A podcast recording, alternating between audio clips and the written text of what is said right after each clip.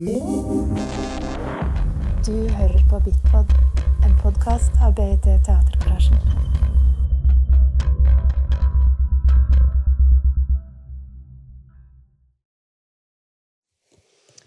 Hello, everyone.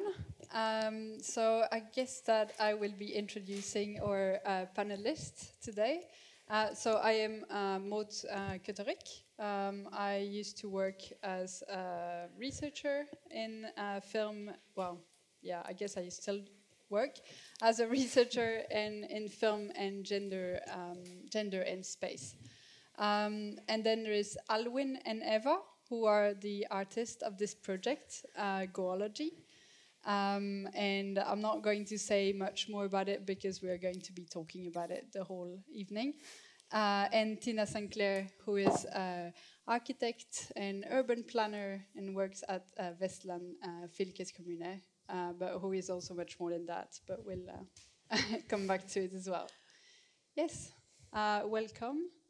Uh, thank you for coming, even though the weather is beautiful and you might want to be somewhere else today. but um, I'd like to first ask Eva and Alwin to tell me a bit, uh, to tell us a bit about um, how this project came along. Um, where did the idea came from? Um, because you have two rules. So, if for for those of you that don't know about the project, um, Eva and Alwyn started walking um, unintentionally without phone and so without directions for like a year. And so they did several walks throughout uh, this year between 2020 and 2021. Those are the walks on the map. Um, and so there were no real rules to walking, but the only kind of rules were to know, not have any intentions of going anywhere. Right? Um, almost. The- Okay. the- the- yeah. and no, n- not having any phone or not looking at a map. Well, the the rules eventually turned out to not be really any rules. So eventually there weren't any rules. I Yeah, think. yeah. um, maybe the most rigid rule was maybe to no. Also, that was not rigid. No. I, yeah. I don't. I don't think there were any very very strict rules. Well, we started off walking, thinking, we, let's do a walk and see if we can work out a strategy for this. But actually, then after the first walk, we thought, it's, why are we doing that? Let's walk, let's let's allow the project rather than we've I, maybe as uh, maybe is sometimes the case with artists. We thought we have to have a clear concept. When we know what the concept is, and then we realize, well, maybe we don't have to have a clear concept. Maybe we'll walk and we'll write letters to one another. That was definitely something that we did. So we didn't walk together first of all. I said to Eva, I said, I want to do a collaborative project with you where we don't collaborate. You know, I want us to do something separately together. Um, so we did these walks separately and then we wrote to one another about the experiences, handwritten letters. That was another thing we decided Yeah. to do. Handwritten letters that we send by post that and we didn't really know what we would be writing about and we didn't really know how or why we would be walking the way that we did. But we, I mean, we definitely decided very early on not to have, not to follow a map or anything like that. And we neither of us did that. We decided not to follow a map. Um, I broke the rule. no, no, not. I didn't follow a map um, in that sense, but I had some walks where I kind of knew where I was going. When I did this walk here, I definitely knew where I was going because yeah, there was only one way to one go. road. yeah. um, yeah, I mean. It, that, that was also very confusing for me in the beginning because I thought like okay but how do we do like what what is the rule what are the rules for this walking because you Alwyn approached me I want to do a collaboration where I don't really have to collaborate with you somehow and uh, and I want to walk that's what you said I Yeah, remember I you said I, I wanna- walk. I just want to walk far long I want to walk So the That- that project was- started as walk from the start. So Yeah. that was kind of the first idea, yeah right? Alwyn wanted to walk But also, definitely not. This is not about walking fjelltur. It's not about going på tur. Mm. It was on Yeah. roads. It was in the city and suburban areas. So it was about walking.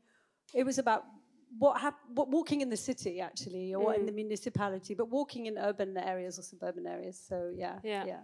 And sometimes you have to take a shortcut through a something that you wish you could kind of hang out in a bit longer, you know. But it was definitely not. It wasn't about go, going into the hills for a walk like that. Yeah. So um, f- it, it turned out, I remember after a, a few walks, um, we, we talked and, and it turned out that I had made some rules more or less subconsciously that I thought were common rules between both of us. And but then he said, like, oh, we never said that. And I was like, okay, well, maybe that's then just a rule I made for myself somehow. Um, so that's a bit how how it went. And for me, one of those rules was like no phone, uh, and trying to dare to get lost and not knowing where you are. Yeah. Um, And so, Tina, you mentioned as well, like that you really like walking, right? Do you walk with? But you said that you like to walk playfully, and that you take kind of different styles of walk. What do you, if you were um, going to do like an in, unintentional walk, do you have kind of different kinds of walk that you do, and what do you what do you enjoy about walking unintentionally, and without maybe without phone or um, what is it? What what does it bring to you differently than going from a point A to B, for example? Well, I think uh, on a personal level, I think walking is like a, it creates a personal space for me, a place to be alone, uh, away from work, away from family. So that's like creating a space. And I like to I like to walk uh, in the same areas again and again, areas that I know very well. Sometimes I do the same walk around the lake uh, again and again for a whole year, and it seems like a different walk uh, from the last one, more different than if I'd gone somewhere else. And I think it's because you immerse yourself differently in an environment that you just know so well, you don't have to think about where you're going. You can get lost if you want to, in a way, so that it becomes much more of a sort of inner experience. Uh, and I also like to do these games with my daughters where we go out in our neighborhood and we said, today we're just going to go left, or we're just going to go right and right and right. Or when we see a dog, we're going to go left. If we see a, a cat, we're going to go right. And then so we make new sections or new journeys in an area that we thought we knew very well. So we get to places that we didn't even know existed just behind our house. So, yeah. For for me, like as a unintentional walk, so the unintentional walk that I that I took in preparation for this uh, for this evening, because generally I walk with an intention. I walk to the mountain, I walk to a forest, but it's kind of like part of a training process or part of, okay, I need to change my mind, I need to do something else. But this time was completely different. I kind of had like a bit more of an observation. I was kind of um, looking more at what was around me, and I was especially listening much more. And and that's also what kind of struck me when we talked together about your project. That you were so you were mentioning especially not having phone and not taking many pictures, but you mm. did record things, right? yeah, yeah, I did record. And and so I was wondering, is that because you're both kind of composers, you're both into kind of sound in general, or is that because of the for me it was kind of the automatic movement of of walking, not being able to take pictures, that made me concentrate more on my listening senses than on my visual sense in a way. Hmm. Why why do you think or or did because you mentioned especially like being struck by the noise of traffic. Well, I mean, it's hmm. interesting So- because yeah, I mean, I think you ever kind of gleaned a lot more stuff. Also, audio. I didn't record any any audio actually whilst I was walking. I and I took some photographs on the first walk, and then after that, after that conversation, it's okay. And I'm gonna, you know, I would refer to my phone sometimes, if I, but mostly really not. That was not what it was about. But the the you know tracking the walks, I could map it out later so that we could know where we were going. But um, one thing that I became really intrigued by and I would say a little bit obsessed with and that I felt affe- affected me physically in a lot of ways and that actually staggered me in the end was the uh, persistent noise of traffic even in places that I've driven through many times and I thought what a beautiful what an amazing place this to live. I've never actually got out of a car. And when you get out of the car you think my god how can anyone live here? How can the wildlife survive? And it looks beautiful. There's almost you know it's beautiful and there are a few houses. And actually my experience of most of Bergen that's that's actually what my experience of most of Bergen was and it coincided at the same time as our the tunnel behind our house being closed. So having uh, traffic diverted between 10:30 and 5 in the morning every night outside our house. So I've become obsessed. I've been recording loads and loads and loads and loads and loads of traffic sounds since then, but not actually on the walks themselves. So I've actually been using traffic, which I find when I record it this, and listen back to it, I have a kind of like I can take possession of it, I can somehow take control of it. Actually, often sounds really beautiful. It's really fascinating. There are so many, there's so many variations in how traffic behaves. But when I'm just trying to walk, I have a very different experience of it when I'm walking, and it made me feel sad, angry, vulnerable, um, powerless, um, and you know that was often something I wrote to Eva about a, a lot actually. So, but I think Eva, you did record sounds. I did record quite some sounds and I, yeah, I mean, just also because I was thinking of collecting material that, mm-hmm. that could be used, and uh, and I, uh, because of working with sound, I often also like in everyday life I stop and record stuff because something sounds interesting, uh, mm-hmm. uh, like be it a bird or be it some some building being torn down, those kinds of things. Um, but that like for that it felt okay to take up my phone and turn it on because it's a very different way of of um, collecting something. If you take a picture you're like done moving on you know? If you if you record a sound you have to either stand really still and not move your hand or like do anything or you put it down and you wait because there's no use in having three seconds of a sound usually. You need like five minutes or maybe ten minutes. So then you you're just there and you don't move mm. and you listen and you so it's a very different way of taking something with you than a snapshot. Very different i find. Mm. so and that and that really uh, went along well with uh, with the whole very slow process of walking through uh, Bergen Kommune. I mean, we all walk uh, here all the time, but you, you, you usually don't walk like here or uh, here, right? It takes a while, but it's possible. Mm. I mean, like the one of the rather early walks. I live in Laksevåg. Here, that's why a lot of stuff ends up here. And uh, one of the early walks, I walked to Nesttun, and I was like, is that possible? Can you walk to Nesttun from where I live? It's not that far, you know, but it seems just like so far away.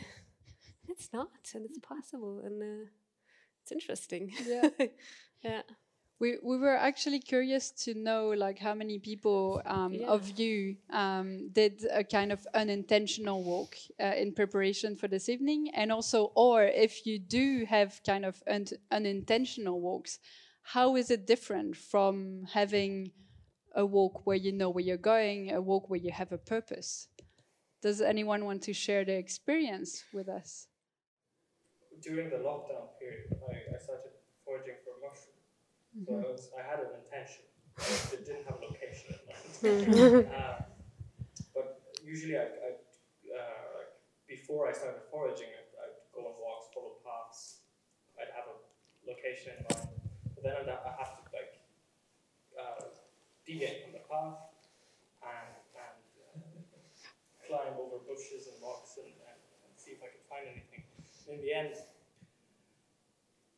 I took greater pleasure from from just the fact that I was I was uh, kind of uh, not just walking in this kind of uh, V-shaped uh, path having to, to kind of um, respond to this to the shape nature would, would throw at me. Uh, mm-hmm. Yeah. I, I, like this idea of like respond to what the nature uh, throws at you. There was this um, the the quote that you um, wanted us to to read oh, yeah. um, by Rebecca Solnit. I think it has something about that. Um, so uh, I'm going to read the quote uh, for those of you who haven't uh, read it. Um, so Rebecca Solnit writes in Wanderlust, she writes, There is the sense of place that can only be gained on foot. Many people nowadays live in a series of interiors home, car, gym, office, shops. disconnected from each other. On foot, everything stays connected. For while walking, one occupies the spaces between those interiors in the same way one occupies those interiors. One lives in the whole world rather than in interiors built up against it. The random, the unscreened, allows you to find what you don't know what you're looking for. And you don't know a place until it surprises you. Walking is one way of maintaining a bulwark against the erosion of the mind, the body, the landscape, and the city. And every walker is a guard on patrol to protect the ineffable. What I really liked in this quote and what surprised, what, what kind of questioned me was you don't know a place until it surprises you. What, what does that evoke for you? How would you, what do you understand by this? Do Tina, maybe you have something, or Alwyn, because you get, you guys chose the walks. I think, the well, quotes. I think um, one thing relating to the issue of traffic, actually, that and the, and urban design in in Bergen. Maybe I was a bit saddened at how uh, it seems that a lot of Bergen does not allow for a lot of surprise. Um, I felt that I started to ha- uh, have this theory that that people living in Bergen, you see the mountains around, and and you feel that that's your habitat, and you go out there at weekends, and you and you feel that that's your habitat, but in fact, it's not. It's not our human habitat. The human habitat that we've made is road, self-contained house, house, house, shopping centre, Dolly Dimples Pizza. Da, da, da, it's exactly the same things in each shopping centre. Road, house, house, house, um, and actually the the I really, I, you know, I'm doing this as an artist, so I can let my fantasies run really wild, you know. And my fantasies went really quite wild about how dystopian and destructive and strange, how weird this is. That when I walked sometimes 20 kilometers, I would meet like three human beings on the road. There are no people on the roads, you know. And of course, okay, it's suburbia, but then we need to set up our ha- habitats better, human habitats better. So I mean, and also everything around me that was made by human beings was hard and fast and dangerous. And my body, my body felt like if I had really come into some kind of contact with it, it would do me damage. You know, from the tarmac to the metal railings to the, I won't be making noise here, tarmac to the metal railings to the the speed of the car. You know, nothing, nothing about anything that human beings had made here was made for me. It was made for me to be with other human beings. Um, uh, but but I, then I started to wonder: Does this then? Do we feel that this is okay because we have mountains? Or do we imagine that this is our city? This isn't our city, you know. So for me, I was shocked actually at how there was there was really no room for surprise. And actually, as soon as you get out the very very very centre of the city, that was that was my experience of it. There was no element of surprise. There was no no opportunity for learning encounters with people that are really different from you, from people that are for, for people really. There was really very little opportunity for that. So I mean, I think it's a wonderful quote, and I think this is what set my my brain on all kinds of strange uh, speculations. You know, is this how is this this microphone? I feel like I'm making a lot of noise. Is it okay? Okay, I hear a lot of popping. You just turn it maybe a little bit away, but yeah. it's not so bad. But I- yeah, Yeah. I, I, I don't know. Tina, you you are an urban planner, so maybe you have something about yeah to say say about that? this. It's fault, What do you have to say no, it's not your fault, but but Okay, so I'll what? it- leave the room. no, I, I was wondering uh, what is so what what are you working on at the moment? What is your what is your job basically day to day, and how do you react to this, or how do you do you feel that Bergen is? Sometimes I also have this impression that Bergen is a is a city built around cars and for cars, and and uh, it's it's very hard to find one's way and one's place when when I'm on a bike, for example, I have to jungle and between pedestrians and between cars. And when I when I'm a pedestrian, I have to be like between cycles and cars. It's, it it seems that the only place, the only way that I feel that I belong in that place is when I'm in a car, actually. Um, so so why why is Bergen kind of constructed that way? When when we look at other cities, um, there has been kind of a tendency now to have more of a kind of pedestrian city centers, and here there is only like a very very few areas and very little areas actually that are pedestrians, um, and also yeah. I, I don't want to go on around here, so I'll let you talk. well, take But- hope. There is hope. Uh, I, th- I think uh, most urban planners can also associate with what Alwyn is, is describing. And this is really the modernist city, right? Made for segregated areas, living one place, dri- running business, industry, and then driving between them. And it's the kind of planning paradigm that we've worked after for, well, since the Second World War at least. Uh, but there is a renaissance now. There is a turnover of the human scale, the city for humans, the good environment for humans to be in. And since we're talking about Bergen Kommune, Bergen Kommune just uh, uh, decided on a walking strategy, a walking strategy in 2000 and, uh, 2020, I think. And the main aim of the strategy is to make more people walk more which I think is a wonderful strategy because it's so inclusive and so wide and also so very clear, right? Uh, the main emphasis is, is on transport. How, how can we make people walk more as uh, a part of their everyday transport? That's how urban planners think. And so the first thing to do is to plan for where you position things. So you want to position things in places where people can live their everyday life as much as possible walking by their feet, you know, and get to deliver their kids in kindergarten, do some shopping, also maybe get to work and then go back home. So you don't need to transport yourself all the time. So that's the kind of main planning way of looking upon it. Uh, but I think uh, communal planning should also be about the experience of as, you know, experiencing urban environments and city and just enjoying walking walking as a pastime leisure, you know, not necessarily because you're going somewhere, just because it's a nice way of being outside. And I think Corona, in a way, has kind of given us a push in that direction. Because all of a sudden, I have my local round around the lake that I told you about, where I'm normally alone with my two border collies, right? But the last two years, it's been I'm not, I'm not going to say invaded, but it felt a bit invasive. Tons of families camping, making fires, standing, uh, staying overnight, playing music, young people swimming. It's really amazing because people have started just being outside and walking around mm. just for the mm. sake of it, not mm. because they're going anywhere or doing anything particular necessarily. Yeah, it's funny how when we talk about walking, we often talk about walking as kind of commuting, right? So that's kind of what you were um, what you were referring to.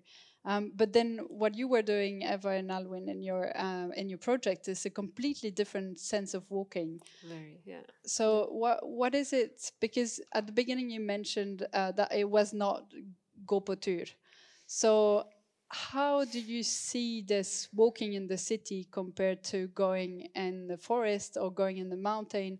Because when I, I see people walking either for commuting but also for training, for kind of health purposes, right?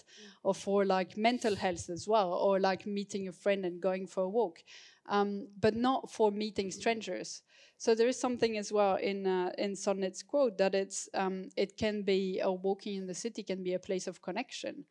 So how do you? Um, but you did mention that on your walks you didn't see many people, and that you actually didn't uh, connect to many people. So how do you how do you see walking in the city as a place of connection, and also um, why would you rather see more people walking, walking in the city rather than walking in the forest or in the mountain? Why is it so important? No, I think people should walk wherever they want to walk. But um, um, uh, it is, I think, the inten- intention uh, is that that's a very different thing. Because I, I never walked, hardly, of course, never. I hardly ever walked anywhere without going somewhere. I would do that when I was a tourist, when I was traveling somewhere like Paris, and then you just walk around. You know, you, that's like your intention is just to walk around without going anywhere specific, just to experience and be. That's when you do that. But in your own city, I never did that really. Either yeah, you go for a walk because you need to move, because your body needs it, or your your head needs it, and then you like take a round from where you live back to where you live, or you go from A to B uh, because you need to get somewhere. And and for me, this unintentional walking uh, in places where you usually don't walk. That's a very strange experience in many ways. And I actually, I, I, I had some encounters, few, I have to say, very few, but I had a few very interesting encounters uh, with some people that would never have happened otherwise if I wouldn't have been walking around aimlessly in the suburbs. Um, but yeah, I, I, definitely wished for more, more of those, and um, uh, yeah, because Bergen has many suburbs that are not. They're like they're very much neither nor they're like almost countryside, but not really. And then there's those suburbs where that are really they're just uh, dead ends, dead ends, dead ends, dead ends. You know, mm. there's it's just dead ends like everywhere, and it's it's very so that that and dead ends really really take the fun out of walking. I have to say, like I remember we talked about that very early on, like in the beginning we're like yeah because in the very beginning yeah. we said like we're gonna walk every single road in Bergen in Bergen Kommune like every single one.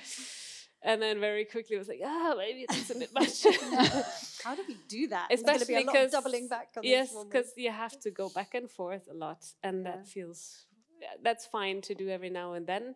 But that was one of the things I had re- I really had to fight with myself when being on walks like okay, do I really want to go back if this doesn't lead anywhere? Do I really do I really want to do that? You know? And then just like, yeah, yeah, yeah, but that's you not you don't have to be anywhere, you don't have to go anywhere. Um, but yeah, to walk like that is very different than from walking on a mountain too, because then you walk up there to oh, see, you know, I got up here and uh, and there's like this this this accomplishment. Mm if you do those kinds of if you do mm -hmm. hikes there's an accomplishment. There's like often there's a peak or there's a route or there's like and then you did it you know and uh, yeah it's very it's very different from just going out of your house and see where you end up. Or that's i like that a lot. I just taking the bus to a bus stop i have never been to. I didn't know really where it was. Going off the bus and okay where am i I'll go there, see where you are.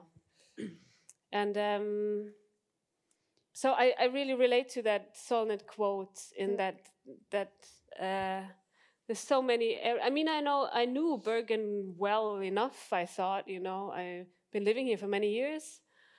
I'm not from here, but I've been living here for many years. But but when I was walking from yeah, Laksevåg to Nesttun, for example, or like around around Flesland where you usually don't go.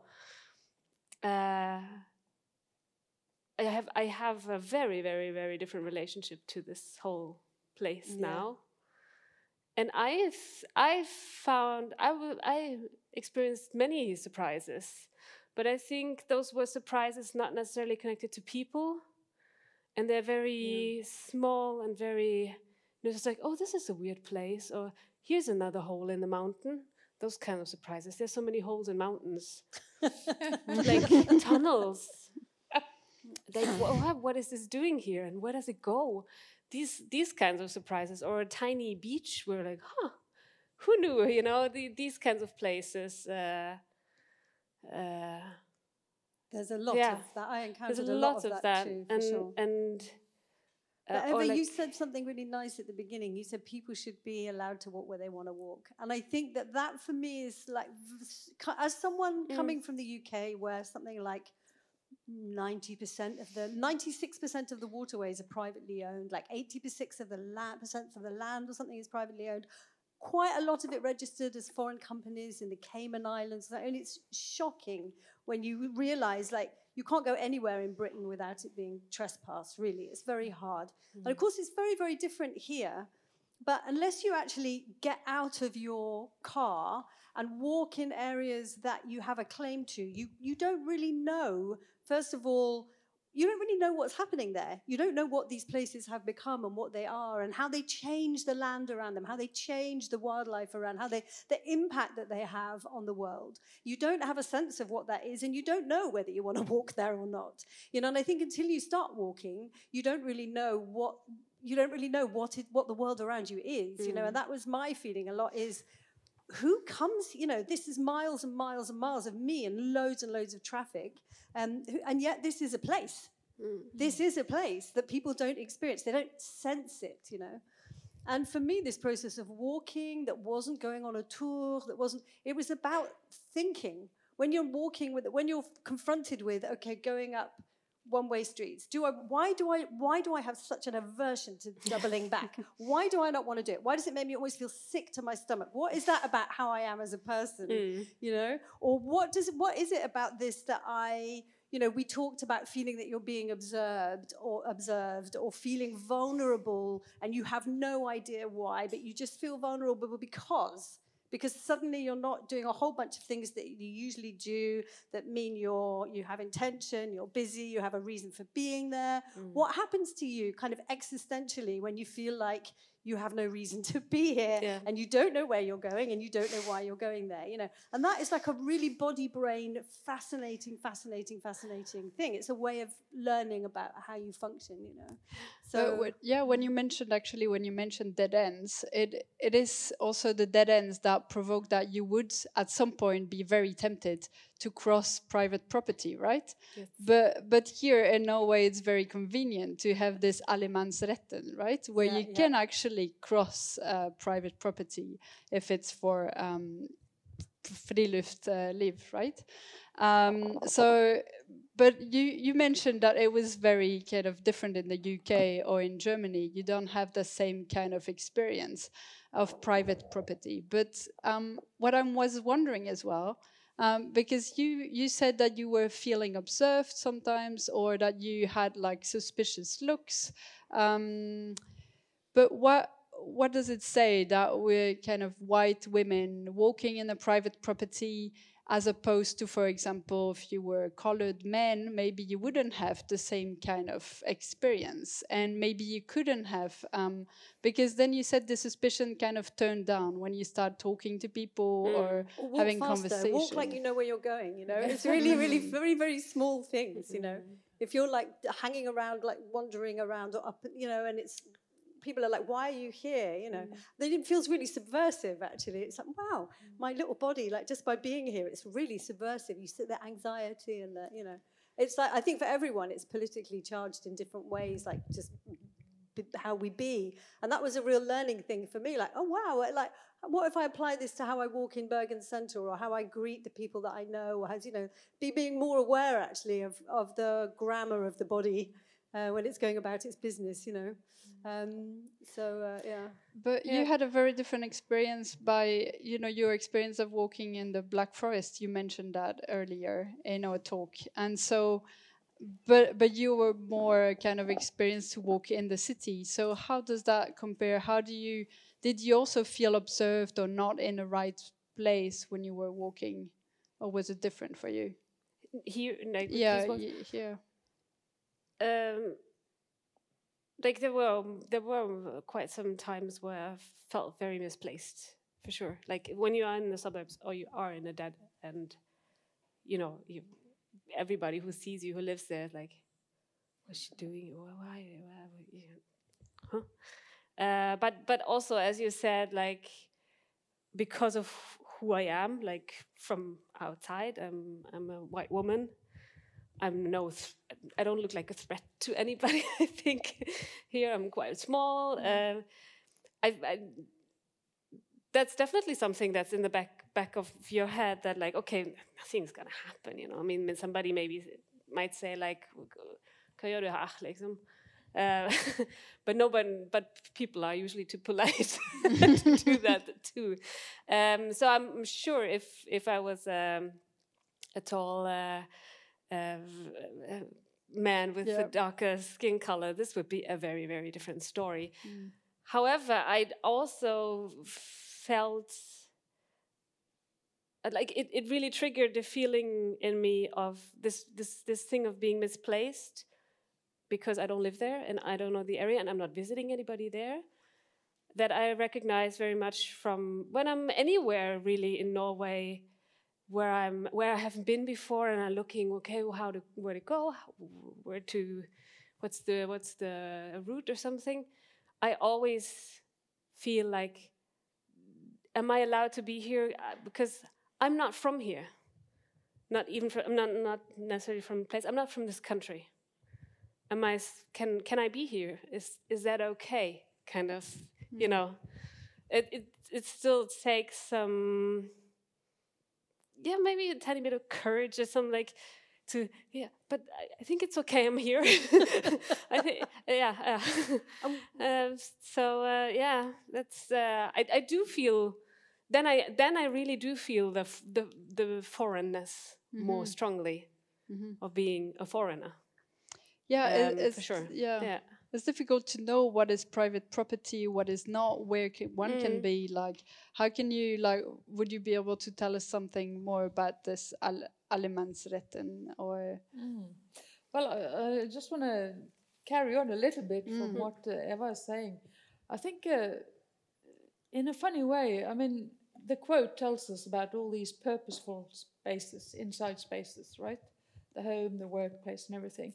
And in between all of this is this place which, in a way, is without purpose.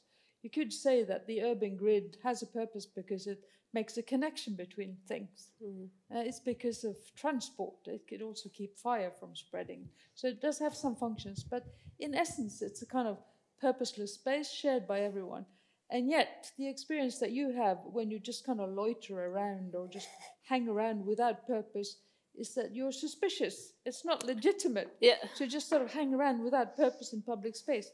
Now, that's quite weird, isn't it? Yeah. Because that's the idea of public space, mm. is that you're supposed to hang around there. Mm-hmm. But I think that's how, I mean, we both shared how at the beginning of the walks we have much more anxiety after about two or three hours of walking.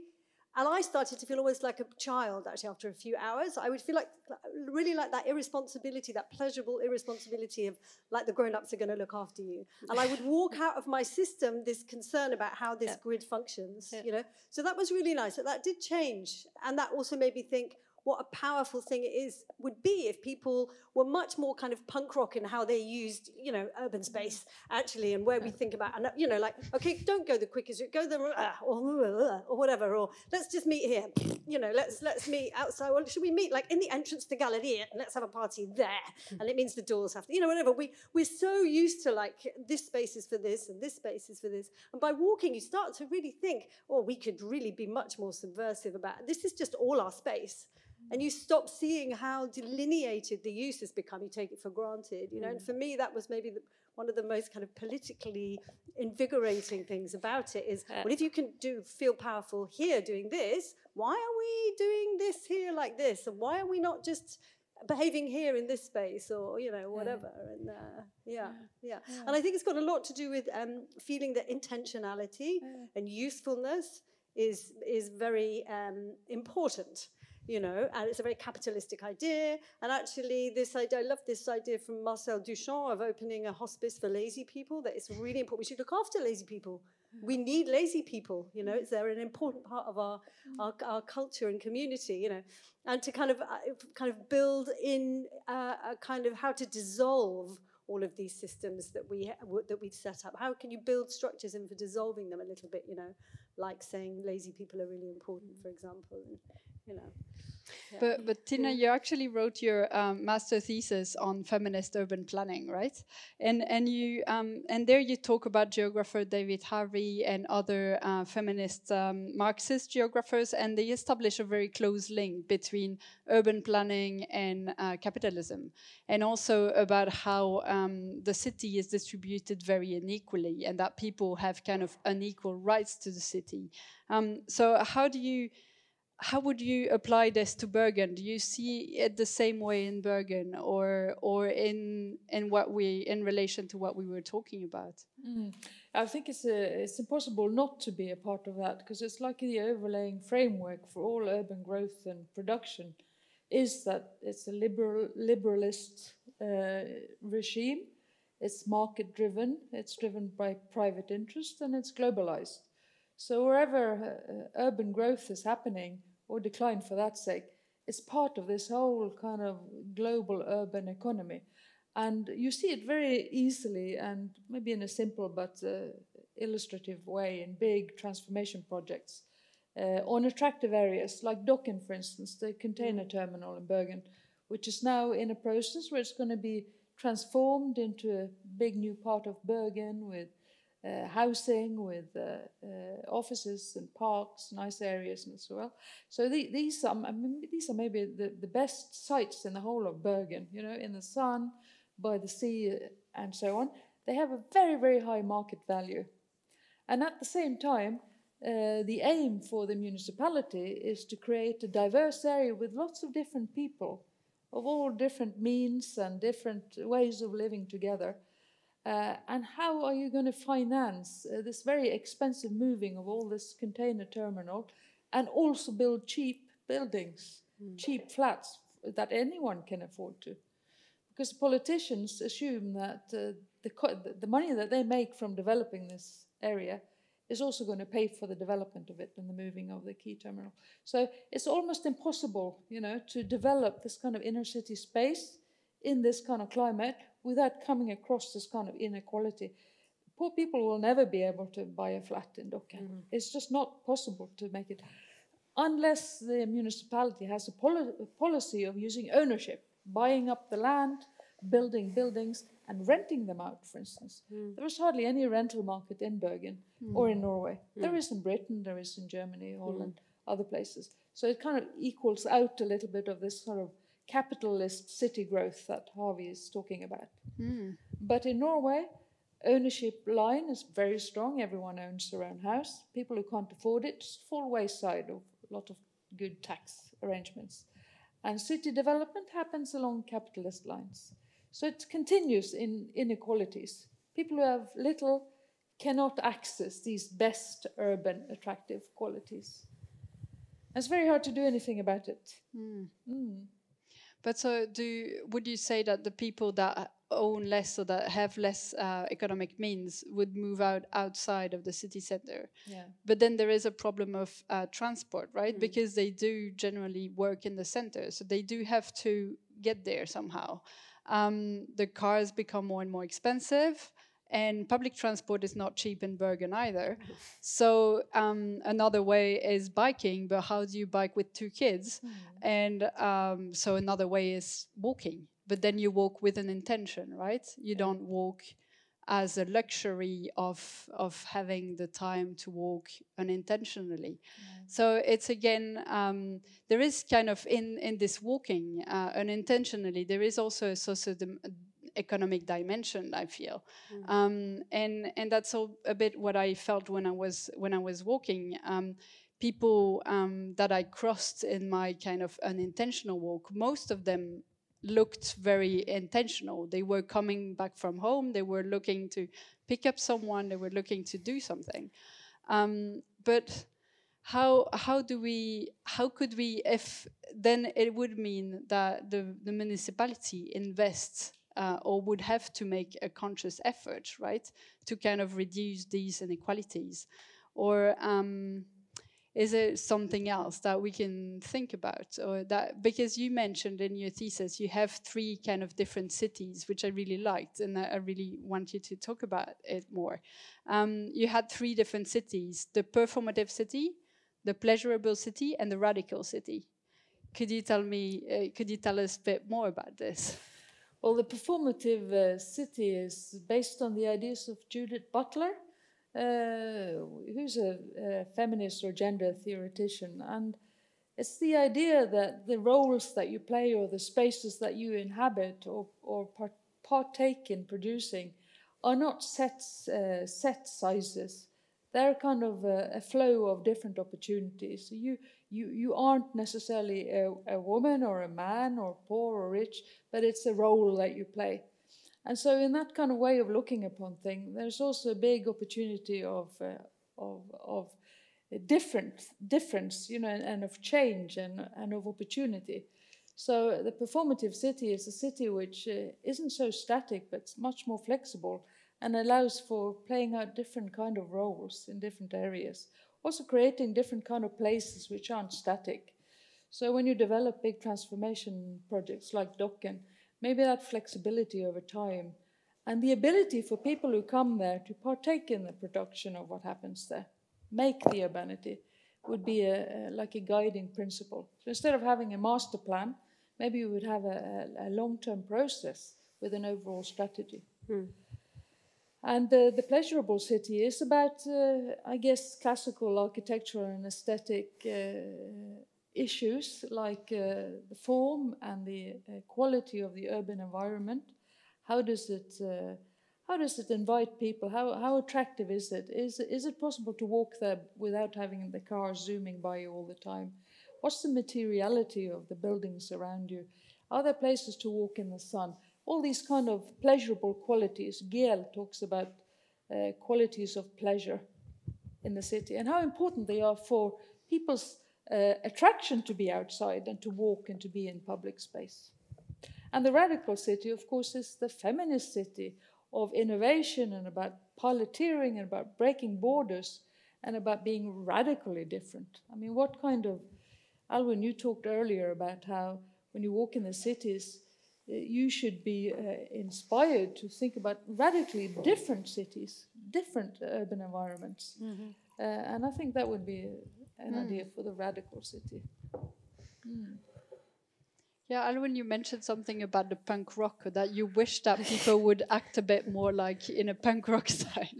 Yeah, I mean, I've been reading a bunch of really nice books by Jay Griffiths, uh, Kith, The Riddle of the Childscape, and Pip Pip, and also Trespass. I can't remember what the guy. There's a whole bunch of people in the in the UK now, like looking at what has been lost, what started to be lost during the reclaiming of the commons in the 18th century, how that's deeply, deeply, deeply impacted the British psychology, actually. English mostly and Scottish, of course, you know, but this like a very, very um, powerful ta- just taking of common land and w- with that depriving people of the, the, the right to movement. If you were on the road you would you could be punished. You know that you had to be within a city you know that, that just and you know, these things that you don't think about you know and how these insidious things have have um, affected how British society works, actually, and how there's a lot of people now writing about that, railing against that. I mean, of course, London is owned by Russian oligarchs, and you know, I mean, we see that now. How what a problem that is for the Conservative Party, um, uh, and you, you you experience it as a as a British person all the time. You have really no right to be anywhere, um, and. Uh, yeah, so I'm, I'm very inspired by these people and what the, the conversation that they're initiating. And I guess I feel that a city like Bergen could take for granted. There's a lot of possibility here but actually you know Brit- bergen could go the same way if people you know okay like i say it's not enough to have the mountains out there this is your habitat in here.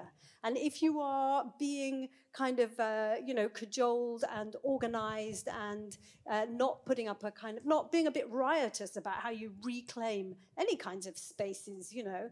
And a lot of Bergen looks quite nice in a very sort of stark way if you're not, you know, in the old town and everything. And but yeah, I think it's encouraging people to, to misuse things, to reuse things, to appropriate yeah. things, to find common lands that people can use in any whatever way they want, wherever it is. You know, like I say, it could be in the entrance of Galleriet Shopping Centre if that's what you want to try and reclaim. You know.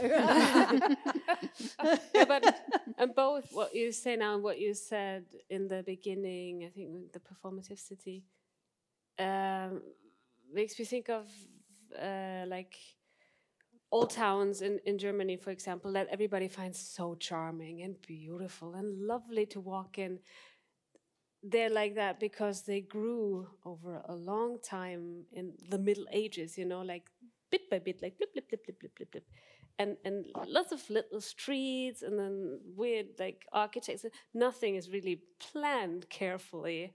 And those are the places that eventually uh, that we like Mm. or that are like also nice to walk in and nice to experience and that are surprising maybe like funny turns and uh, and um, and I miss I miss that like um, also like with with Dokken I've seen like some some of the uh, ideas out there and it's also okay then we have this whole thing and we do like you know like and it's all like yeah plan out there's a master plan and then we put a park right here because that's where people then are supposed to uh, be and have a nice outdoors. But it, it, there's no organic flow to any of it. And I, I, I don't think you can you can't plan any organic development really because it's that's not how it works. You need to it's like hand it over to evolution you know? play so- with. yeah like and see who who wants what and needs what where. Yeah. in in like some in a on a slower time scale. And that which is also like yeah reclaiming space or, or um how how is this being used? And then suddenly it becomes this thing because it's being used like this you know? All, all of that is like where is this? Can we get this back somehow? Can we can we have that I mean, it's very easy to talk about mm. tolerance and being a tolerant society when you never encounter people or people outside of your very particular, mm. you know, domains. Mm. And I think what's interesting about when you, if you were to throw open a space and say, okay, go, go, go, do it, you know, all right, you can do, you know, and you'd have co- oh, a lot of conflict. You'd have a lot of people having to resolve how they want to use space, how they want to, you know, it would be difficult. It wouldn't necessarily be easy. And it might look a right mess, but it might be a lot more interesting for people to be in. It might be a lot more um, beneficial to society as a whole. You know, I just feel that there's not, there isn't really, that's not really part of the conversation of this town anyway, you know. Um, uh, and things look really nice. There's enough money for things to, to, to look nice in the right places, you know, but it's very sterile. Mm. Very hmm. sterile. Mm. But it's a bit. It comes back a bit to what you were saying, Tina, earlier in our conversation. Is that there are like a lot of people with different interests, and mm. and how do you make those people communicate? So the population would have a certain interest in walking and being in common and in common places, in kind of reclaiming a neighborhood life in a way.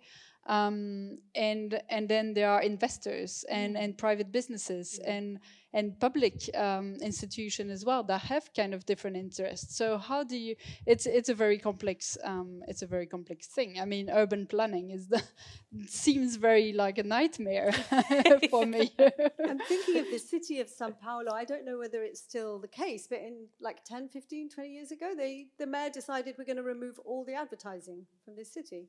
We're going to take away all the billboards in this huge city in Brazil. I mean, you know, and absolutely astonishing what happened to this. Oh my God, there's a city here. Mm. You know, and look at this architecture. Look, you know, and people said, oh, starting around, this is a really vertical thing, you know.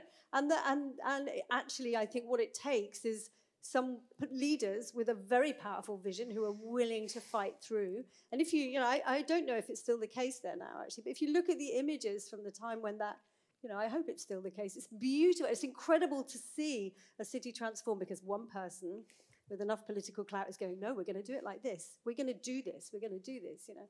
And I often, I like, I look, I imagine Bergen through many different lenses like that. What if? Wow, that would be amazing. You know, you can you can do many different lenses like that and be playful with it. Um, you know, just to create a city that's more vibrant and and uh, more But, people friendly, less less about getting from A to B. You know? But I guess what happens more often is more like the time, right? It's it's something that construct with time and through periods and and for example, this um, what I what I lack um, in Bergen compared to, for example, I lived in Madrid and Madrid had a lot of like neighborhood lives, um, and here I live in Landås. There is nothing in Landås. It's just like people live there. That's it. Um, there are like some businesses that appear and die and appear and die, and then there is this Sletten Center where people go and have a coffee on Sunday on, on, on Saturday, and that's it. And Yeah. and it's it's it's really sad. You you don't have kind of a neighborhood life in a way. But that's a Um, simple legislation thing, isn't it? That's about changing the law so that people can open bars in those areas and, you know, you can afford to have shops and things. And Yeah, but what I feel as well is like it's a it's a urban planning thing. Landås is constructed around Natlandsveien, which is like a main street that Going sits. to the and so and and so there is no space actually like the only place where there is space is Sletten where there's a park and that could become a bit more of a center but there is just shopping centers there's just grocery stores that's it yeah. I think Landås is a good example of that modernist planning, you know, where it was meant to be, ju- be just a, a domestic neighborhood with housing and not much more, just maybe a, a small shop and a school and everything. But I think I think we're uh, uh, we're going away from master planning now. I think planning is in a big crisis. Uh, to be honest, I, I think it's broadly recognized also because uh, uh, the big planning projects that you could well you could discuss whether they're, they're successful or not, but at least they were successful in the sense that they solved a problem. Just after the war, Fyllingsdalen, Åsane, and Loddefjord, there were people living in tents because there were there wasn't enough materials, there wasn't enough housing. So the municipality and the state cooperated and just boom built these big places where you had greenery, schools, kindergarten, you had a phone box, and you had a place to live. Hmm. And so in that sense, they were successful. That whole apparatus that the state and the municipality had is gone. It's no longer there. The resources aren't there. The politics aren't there. Politicians don't want municipalities to own land any longer. They've sold off pub- public land. So the kind of leverage that the public sector had to do master planning and, and solve at least sort of catastrophical issues of people living in tents, it's all gone. And so the master plan is also gone. And I think it, it's a good thing. The thing that uh, is happening, uh, at least on the continent, and also partly in Bergen and Laksevåg, also in Oslo, is more strategic ways of planning city growth, where you uh, you acknowledge that there is a, a, a whole load of different actors who are co-creating the city. And what you have to make is arenas for having a dialogue about, like you say, about different scenarios and visions for the future. What could this place be? And so that you can visualize them and have a platform for having a discussion about the future and involve all the different actors. And you can maybe disagree, but you can maybe disagree without trying to kill each other. So, you know, have an agonistic and a good discussion about the different possible futures. But in the end, and this, this is the difficult bit, you have to translate this kind of co creative, vision based strategy for the future to someone who comes there and wants to invest in a project and wants to have a payback. And that's where the difficult translation lies. Yeah. And that's what we're up against. That's, that's what Harvey is talking about. Yeah, because uh, um, for example, yeah, Laksevåg, where I live, and, and what I talked about earlier, like having things grow a bit more, like having having the people who actually live there uh, or want to be there dictate wh- wh- what and how this can happen. Because Laksevåg is really it, it, it's a it was a town by itself, right? It's like has the the whole old-fashioned uh, infrastructure basically set up, like with a church and a square, and mm, mm, mm, very cute. Uh, and then there was nothing there. And now things come back, and I think that's that's mainly because of people who live there who want it to happen, like to really dedicated people who just like get their asses up and do something about it and that's great and amazing. But now also, like, then then then um, capitalism uh, comes in and money comes in or has to come in, and of course, Bergen Kommune also comes in, helps out with like a library and these things. Um, but yeah, this this whole the whole capitalism, the whole system, is so difficult to not let it take over. Already now like housing prices are so up so much from five years ago when i moved there like six years ago. I don't know if i could, could move there now anymore really. Uh, so yeah, how to get that like punk rock? We do something, we make something happen. Uh, and also, of course, get it a bit nice, you know, not totally punk rock, but but without it then being taken over and like, okay, or maybe yeah, it's an internal it's, cycle. There has to be like Yeah. a, a rebel plow that just gentrification, moves from Yeah. place right. and makes space here Yeah. and then moves on. Mm. You know, so it's like a ongoing force moving Mm. around the city. Yeah. I mean, it seems it's interesting because there's a weird connection between this idea of strategic thinking, this idea of, the, I we had these quotes of this Ursula Le Guin talking about the carrier bag of fiction, right? So we, we, there, were all, there were a bunch of kind of paradigms that became clear to us doing this project, which is walking in wiggly lines and not know where you're going, gleaning and gathering stuff that you don't know what its intention is, you have no strategy for it. Um, uh, you know, it's the opposite of, of yeah. So gleaning, gathering stuff, and gradually allowing a, a, a kind of theatre piece that we take into people's homes to percolate to the surface of this strange, random experience. For us, the, the process of making this whole thing, because of course we did this walk to make a theatre show, and that and that that came out of obviously you know that's intentionality. We ended up making a theatre show out of the walk. We weren't didn't sure. Know, we didn't know. No, we, we didn't know it was But something percolated and something happened. So there is like a model for this process, which, and also for the whole very act of storytelling itself, actually, in this Le, Ursula Le Guin model, that it's kind of like a, it's a carrier bag that you carry stuff in. It's not a strategy, it's not a line. Um, and I think for me, it's a really interesting parallel between this act of walking, this act of storytelling telling and making, and this idea of what it might be to also to to conceive of and develop think about cities and be in cities in the mm. future you know there's mm. a funny connection between between all of those things actually mm. yeah which we didn't had no kind of concept of that when we began Yeah. yeah Have you walked in Dokken? Now that we're talking about as it. part of the walk i didn't walk Have in you been inside the fences of yeah Dokken? but been in there I've yeah, been not- inside the fences yeah. a couple of times, but Yeah. not not during this just for parties yeah på teatergarasjen. Eh? Prøverommet. Yeah, like years, uh, years ago. It was great.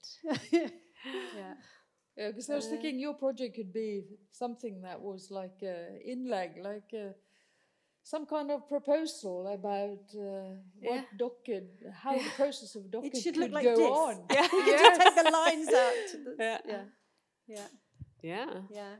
And we actually just on an aside, what's interesting is we've then used taken we've reassembled maps. We're doing this for the audience on Sunday. They can remake maps that we draw new lines through and actually making graphic scores and making making music and, and it's really really interesting then to see oh there are there are like things that recur here all the time because all these maps are reassembled but these are, you know it was really nice. We did it with three test maps today and it was so mm. beautiful to, to kind of see how all this percolated up into sound actually. Yeah. was really lovely too. That was a, a new Like, thing we did Yeah, an today, so- actual rethinking the city by cutting up maps of Bergen, putting them back together differently. uh, so you have uh, you have this Nordåsvatnet right up there, and like, uh, uh, uh, it's really uh, and one, if you really like an area you Fun. can just repeat it yeah. yeah yeah yeah But that's that's what is so great about panel uh, discussions like this is that you can kind of cross over between urban planning and art and art and and what comes out of it or what could potentially come out of it, right? And it made me think of the song lines, the Bruce Chapman, the song lines, and this Yeah. idea of the Aborigines singing a singing a place into being. You know, Yeah. you sing it into, and that's really lovely. They say, oh yeah, well that's kind of what we were doing today with the new maps and the new routes, and then we're singing a new possibility into Of being. Bergen you know. into being, Yeah, yeah, yes. yeah, yeah. it was pretty weird though. Yeah. that was punk it's gonna be weird, pretty punk rock. yeah. But so maybe now we should open a bit to the audience and uh, yeah and and see if uh, you guys have idea, ideas about how to rebuild Bergen, rethink the city. Yes. Could I ask a, a question about that? Uh, what about two people having a very interesting conversation and then walk? What happens then to? You must have uh, thought about that. Having So- a, a conversation beforehand with each other. Uh, while you're walking, you happen to have a very interesting conversation while walk, walking. What happens to the surroundings you're like So you're walking together with somebody ha having an interesting conversation. Uh, Have you read we haven't tried. Bernhard? We haven't tried in this project. No, we didn't. You know. But So- I know I was just thinking Thomas Bernhard's book, Walking. That's you should if you haven't read it, you should. It's hilarious about this. Uh, but it never went very well. You must have experienced it sometime in your life. What happens in the ship? yes. Yeah. Tell us about it. I went uh, with a friend from Fløyen to Rundeman to Blåman and back. And I, I don't know if I actually walked that route before. It's gorgeous, but when I came down, I was like, I was not really like aware of, or was I really there? Because we were like, Yeah. all the way. Uh, and also So you don't take in. I didn't take in some. How come you, you uh, suddenly you, you look at the place to sit to, to like continue the conversation? Mm. So maybe you miss uh, To sit, you know, not the bench and what happens. Hmm. I, I do think though that uh, I mean in this project in any case I had maybe not super interesting conversations but s- situations like that with myself because when you walk alone and you don't know really where you're going and you're just walking then you you know that's also something we've been talking a lot about. You really uh, your thoughts run wild. And I mean that's that's very close to to that I think or can be very close to that. And in those when that happened yeah i had the same experience like where was i? What just happened? You know where was i? Um, what did, did i see anything from the last two kilometers not really um, and try, going uh, in and out of that is very interesting to uh, i was very observational most of the time but then of course sometimes i got really caught up in my in my head um, yeah next project we have uh, conversational walks We have conversation walks. yeah. I mean, I definitely feel I was very interested in like what, like how I walk. You know, became very interested in like, oh, am I, I walk, oh, this is how I walk. You know, and like, what happens if I walk differently or trying to do walking meditations? Sometimes I was walking too. You know, okay, let's see if I can use the walking as a way of like being in a different mind frame and. Um, and I think that what happens when you're walking with someone else, and actually there's a really lovely, because we've got all these quotes here that we're using when we improvise from the, a lot of the text that we've read, and there's a lovely um, quote, actually it's this here, yeah, okay, from Amanda Blake, your body is your brain.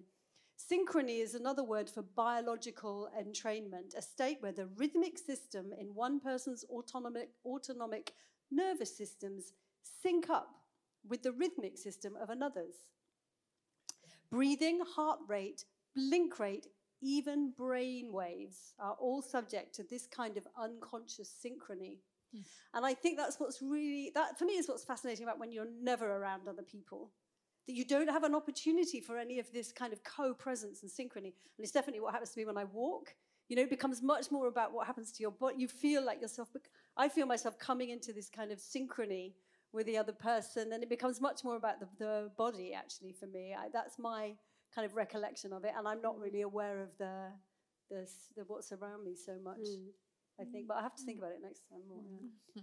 But I, I think I do relate with what, with what you were um, with what you were saying that when you were talking, but even though I walked alone as well, um, and I wasn't talking to anyone, um, but I guess that because I was so um, in this automatic movement of the body that I didn't I didn't realize what was around me anymore. I wasn't in kind of an observational uh, mode, but I was more in inside of not not really inside my head. I was just listening to to what was happening around me, and um, and I, I, I kept thinking, or or I started thinking, well, this like this going kind of over over my my body in a way is thanks to the fact that I can walk without thinking about it. And and um, I mean, my my partner works with uh, Parkinson's disease, and and people with Parkinson's disease they have to rethink about how to walk. And after an accident, for example, you do have to to think consciously about how to walk. And so then walking or, or, or with a person with disability, walking becomes a completely different experience, right? It wouldn't be kind of this maybe meditative experience, but it would be a very physical activity and a kind of um, very structured um, Yeah. experience. I've been thinking a bit about that recently. Mm. This is, I, I don't want to compare this at all, but uh, since my body is changing, uh, I, I, I think now uh, often like, wow, I couldn't do this right now, this project anymore. I can still walk fine, but everything's like shifting. It's like, ah, oh, uh, and you ha I have to think very differently. On, I actually think of how I walk to not tense, you know, this and this, so I get really bad back pains and stuff. So yeah, I mean, yeah, it's a big issue if you're not healthy or, or like body able Yeah. able bodied Able-bodied. Yeah. able bodied able-bodied, right? Yeah. um of course yeah yeah Mm. There You, you some- wanted to react to yeah. I want to remind you that in Paris in the 1830s, the flaneurs, which is the concept of walking in the city, classical term, they walk with turtles in lines, Mm. Yeah, yeah, go as slow as possible. right.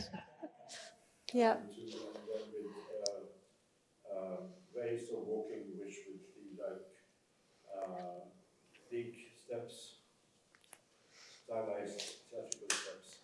yeah So there is a long history of this walking, uh, and the situation is where, uh, speaking about psychogeography, which was very popular in London in the 60s, Yeah, yeah, yeah.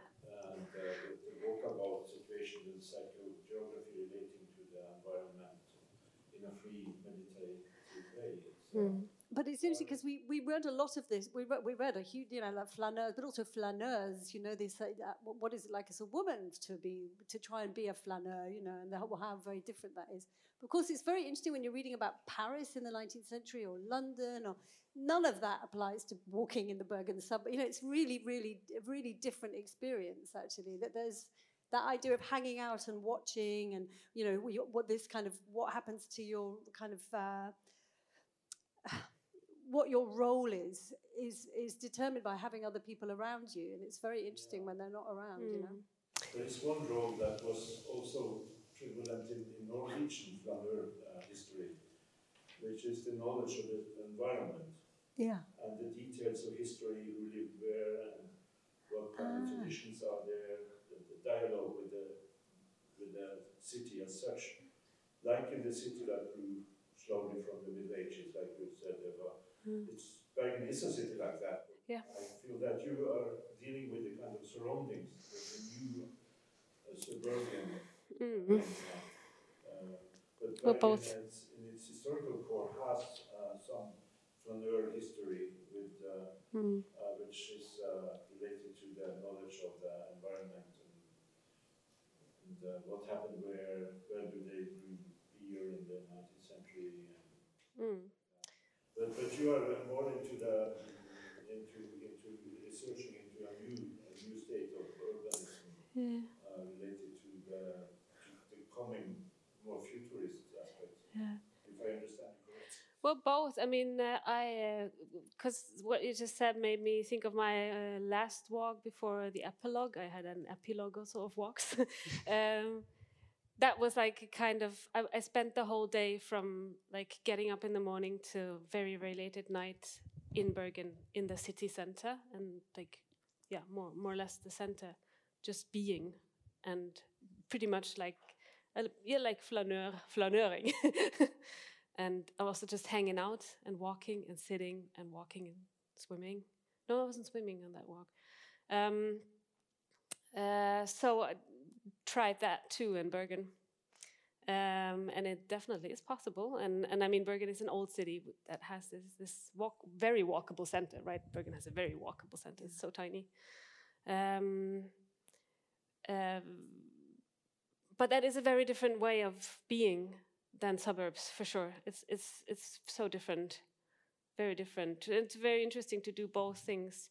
And another thing that that you mentioned that uh, made me again think of what we just talked about when you're not entirely like uh, like when you have some either you have a handicap or you make one when you talked about those people walking so slow you know the slowest you could possibly walk what does that to you what happens then how how is the environment then how is everything around you how is your body and one walk in my epilogue i did backwards the whole walk walking backwards, and that was a very interesting experience. Also, like because you make it harder for yourself.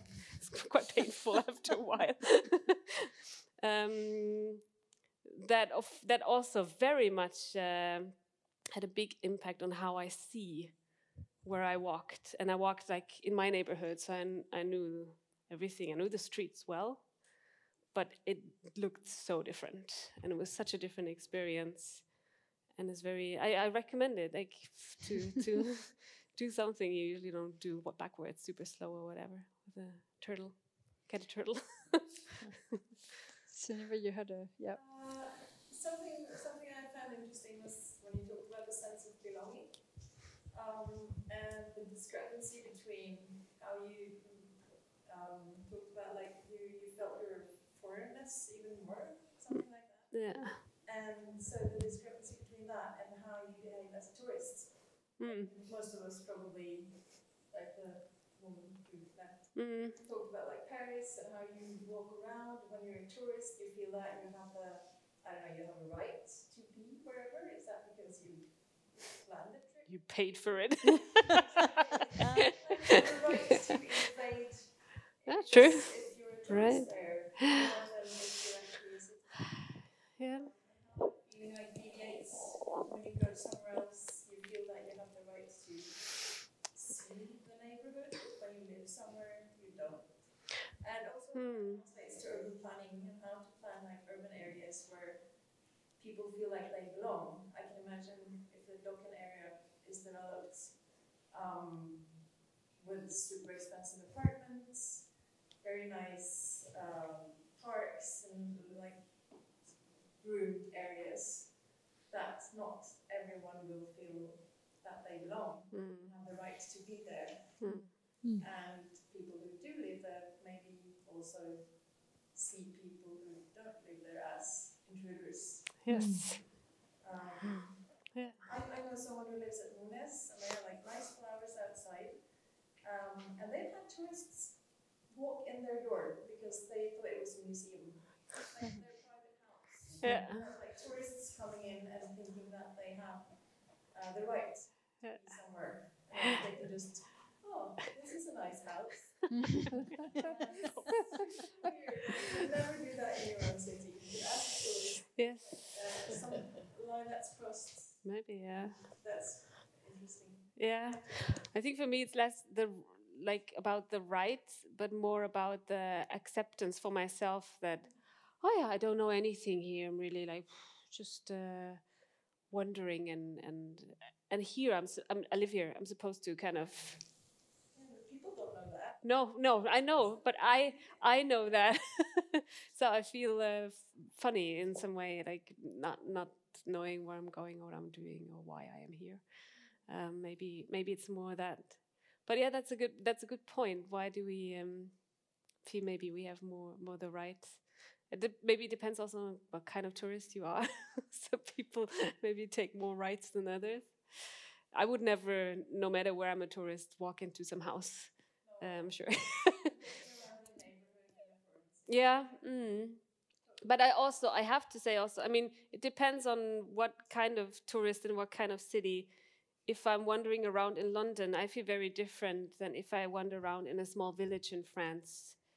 Um personally, I, I feel I could be, I could belong there in London. Nobody would know. Nobody knows, you know. I, I I can blend in nicely and easily, and uh, and somewhere else maybe I couldn't. And then I I actually start to get a bit uncomfortable. Not very fond of this tourist feeling, and in general, maybe that's also a, a personal thing. Uh, You need to pretend you're an artist in residence. yes, exactly. always, always working on something. Exactly. But I think I think there is also something about being a tourist that um, that you start to have this uh, what I think John Urry calls the tourist gaze, where you um, where you, you start objectifying what you're saying, um, and and you start objectifying the city. Whereas when you when you live there, it's a completely different experience of the city. You're not um, yeah you're not treating streets as objects or, or people or houses uh, for that matter, but you're kind of more like, okay, I want to build something here. It's kind of like, but you're not coming as a kind of entitled Mm. in a way, but you're more coming from okay, what is there? What? How can I find my place? How can I belong?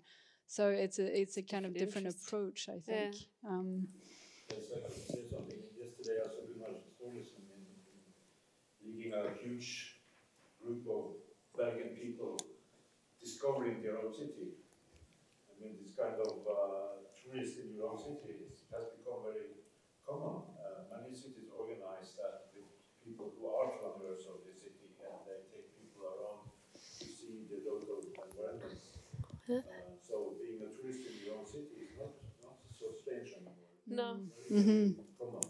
Huh. And, It's uh, but very specialized kind of tourism that Yeah, is yeah, yeah. architecture and details. Yeah.